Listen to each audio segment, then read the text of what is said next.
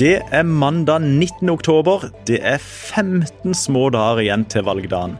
Hjertelig velkommen til Innspurt USA. Kjell Terje Ringdal, du er fortsatt førstelektor i retorikk ved Høgskolen i Kristiania og USA-kjenner. Velkommen. Tusen takk skal du ha. Og mitt navn er Vidar Udjus, og jeg er fortsatt politisk redaktør i Fedrelandsvennen. Før vi går på dagens tema, Kjell Terje. I praksis altså to uker igjen av selve valgkampen.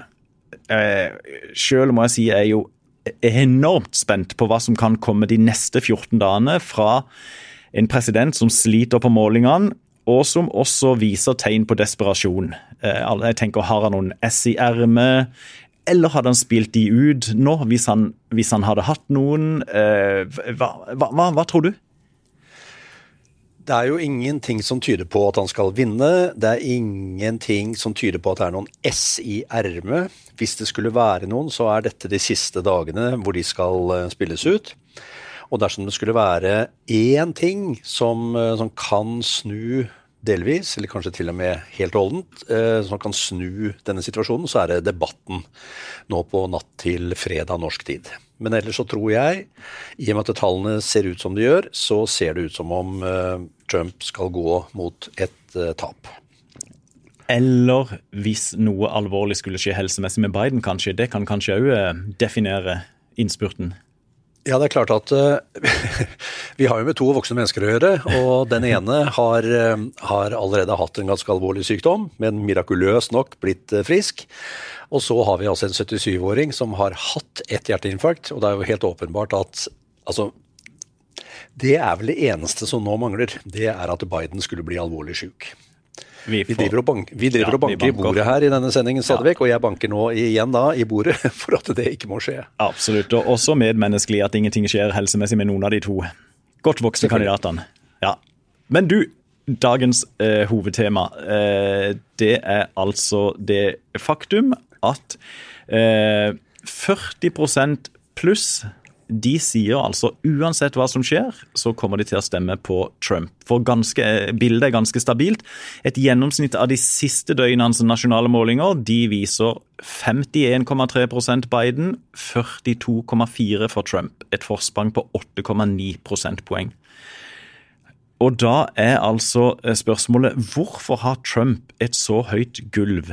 Hvor han har støtte fra drøyt fire av ti amerikanere, nærmest uansett hva, hva som skjer. Eh, med din kjennskap til, til USA, Kjell Terje, hva, hva, skyldes det? Ja, eh, jeg tror vi skal inn i noen store makroforståelser av verden, og, og i hvert fall USA. Og hvis vi da ser på to begreper, altså globalisering og urbanisering. De siste 20-30 åra så har altså verden og USA vært gjenstand for globalisering. Og denne globaliseringen har bl.a. ført til at eh, flere fabrikker, flere produkter osv. blir laget utenlands. Eh, det betyr at veldig mange som da har bodd på landsbygda i eh, USA, de har mista jobbene sine. Så denne globaliseringen som har vært god for veldig mange i verden, den har vært veldig dårlig for veldig mange i USA. Og for å forsterke den effekten av globaliseringen, så har man også da fått en urbanisering.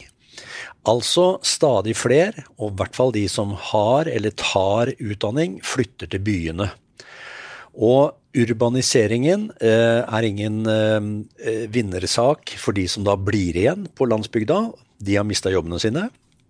De har eh, fått en opplevd eh, dårligere eh, situasjon. De har stadig eh, opplevd at deres politikere ikke gjør noen ting for dem.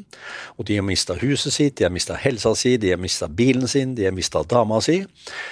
Og igjen sitter det altså igjen med en enorm frustrasjon. Og veldig grovt sagt så kan vi si at disse 40% opplever at Trump er deres siste håp. Men, men, samtidig, når du peker på urbaniseringa, så er det vel også et faktum at jo større byene er, desto større er demokratene i disse valgkretsene. Nettopp. Og det er hele poenget. Globaliseringen og urbaniseringen har vært en god ting eh, for demokratene i storbyene. Eh, og eh, de som da sitter, sitter igjen i, i, i, fella, de vil da holde på den ene mannen som tilsynelatende er deres mann, som da vil få altså Make America Great Again er jo et subtilt signal om å la det bli slik det var. Hmm. Både jobbmessig, men også sosialt og psykologisk, og kjønnsroller og nostalgi og, og alt dette her. Det man drømte om, og det man trodde man hadde, det tror man at Trump skal kunne levere tilbake igjen. Og så er det jo måten eh, han da snakker til sine velgere på. Eh, for han har jo et språk som vi knapt har hørt fra eh, I alle fall ikke fra presidenter, og knapt nok fra presidentkandidater eh, i, i, i, moderne tid. Men, men, du som retorikkekspert, hvordan, hvordan, analyserer du det?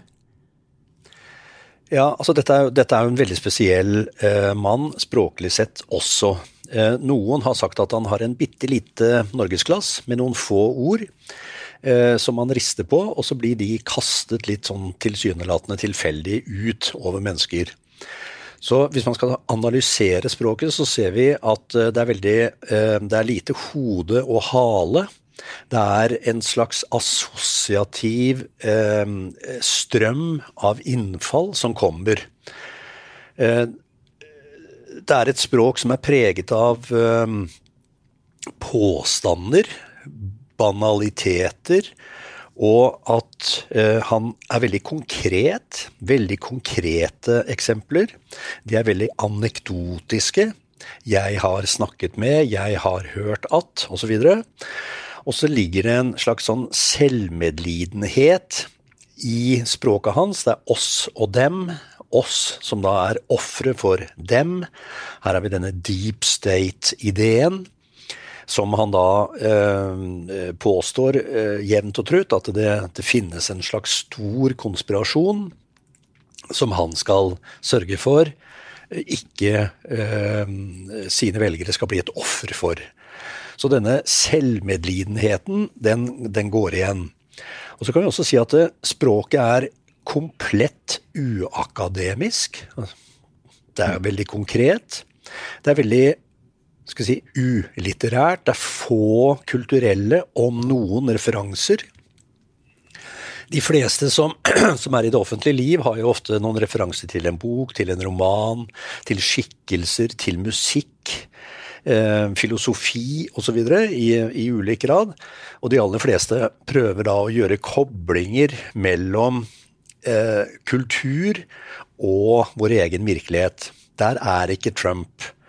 Det kan tyde på at han ikke er interessert i litteratur. Vi hører jo rykter om at han er fullstendig uinteressert i å lese. Han ser veldig mye på TV. Og det er akkurat som om det heller ikke er noen spesiell linje når det gjelder musikk eller, eller andre kulturelle opplevelser.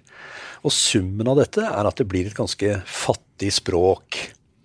Og jeg hørte nå en professor i lingvistikk på Columbia University. Han sa at Donald Trump snakker som onkelen din den fulle onkelen, enten i selskapet, altså selskapslivet, som snakker litt for mye og litt for eh, vi skal si, uinspirert, eller eh, den fulle onkelen som sitter bare og snakker med en Budwiser i hånda eh, ved poolen, og er begeistret bare over at noen vil høre på.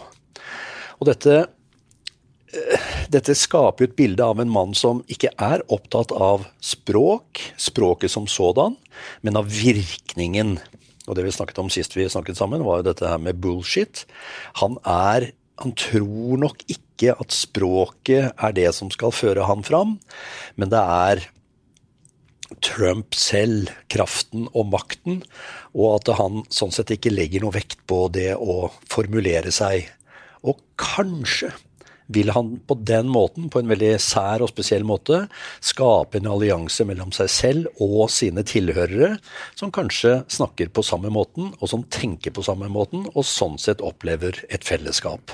Ja, for, for, for vel, en grusom salve. Ja, det, det, det, var grusom salve, men det er vel kanskje grunn til å tro også at det er en del som kjenner seg igjen i måten å snakke på, bruke språket på, snakke enkelt og, ja, og, og trekke inn ting en kommer på der og da, og, og at det sånn sett skapes et, et fellesskap som du, som du da sier kan være målet. Ja, og det vi, det vi, alle kan ehm, øve oss på, det er jo å høre hvordan han nå eh, i stadig større grad bruker disse såkalte anekdotiske bevisene. Det å bevise noe, ikke gjennom vitenskap eller undersøkelser, men gjennom å referere til andre. Og det han har gjort i de siste ukene, er jo at han, eh, bl.a. når det gjelder eh, covid og, og og andre store temaer, så sier han at I don't know, men en advokat som er veldig kjent og veldig berømt og veldig flink, han har sagt I don't know, men han som er ekspert, mener altså at. Eh, og når han da har disse I don't know, eh, men bare slynger ut hva andre angivelig har sagt, så frigjør han seg selv fra ansvaret for det som da angivelig da blir påstått. Så det er på en måte en, liksom, det er jo en, en strategi, og en ganske finurlig strategi, altså ved å peke på hva andre skulle ha sagt. Mm. Du, og I tillegg til de tingene du trekker fram, Kjell Terje, så tenker jeg også rent politisk at bak, bak alt bråket, oppstyret, støyen, så har han jo innfridd viktige valgløfter for republikanske velgere. Altså Han har senka skattene, han har utnevnt allerede to konservative høyesterettsdommere, snart kommer vel hun tredje. Eh, han har utnevnt mange flere dommere til, litt lavere domstoler, konservative alle sammen. Eh, han forsvarer ivrig retten til å bære våpen. Han har flytta ambassaden i Israel fra Tel Aviv til Jerusalem, og så snakker han jo også varmt om å begrense statens makt, og sånn sett om individets frihet. Og det amerikanske frihetsbegrepet er jo ganske annerledes enn vårt eget, iallfall her i Skandinavia. og For, der eh, i USA er det jo frihet fra staten, eh, til dels fra fellesskapet. og de, har jo denne her artige sayingen som er ment humoristisk i USA, hvor de sier 'I'm from the government, I'm here to help'. Og så, skal det, så, så humrer de etterpå. Så det er jo det er en annen inngang til, til viktige verdier enn det vi har eh, hjemme hos oss. Ja, og der, der peker du på på det som er sentralt, som er den store forklaringsmodellen for, eh, for hvorfor, eh, hvorfor, man øh, opplever at USA er så annerledes enn oss.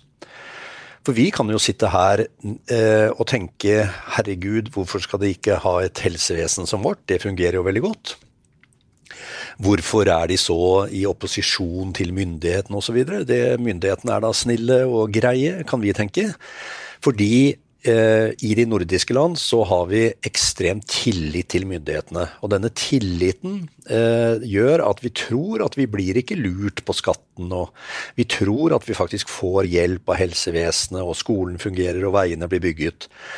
Mens USA altså har denne berøringsangsten for det offentlige. Det offentlige oppleves prinsipielt og praktisk for en amerikaner no, noen som kommer inn og rugger og ødelegger mer eller mindre for det livet og den friheten som de vil ha. Mm. Så denne Det er jo skrevet en fantastisk bok som er skrevet av Gøran Rosenberg som heter 'Friere kan ingen vara'. Og den eh, beskriver jo da denne ideen om individet som bygger sitt liv, og som forsvarer sin, eh, sin, eh, tomt og sin familie ved våpen og ved eget hardt arbeid. Og I den boka så sier han at veldig mange amerikanere på den tiden, altså for 150 år siden, mente at selv det å tilkalle sheriffen var eh, å tilkalle altså et offentlig system, og det var mye bedre å ha en duell. Så her er det altså den norske kollektiviteten, troen på samfunnsbygging og, og, fellesskap, som står altså opp mot den ene sterke mannen med sin pistol og sin rett til å bevare sin lille eh, del av verden. Mm.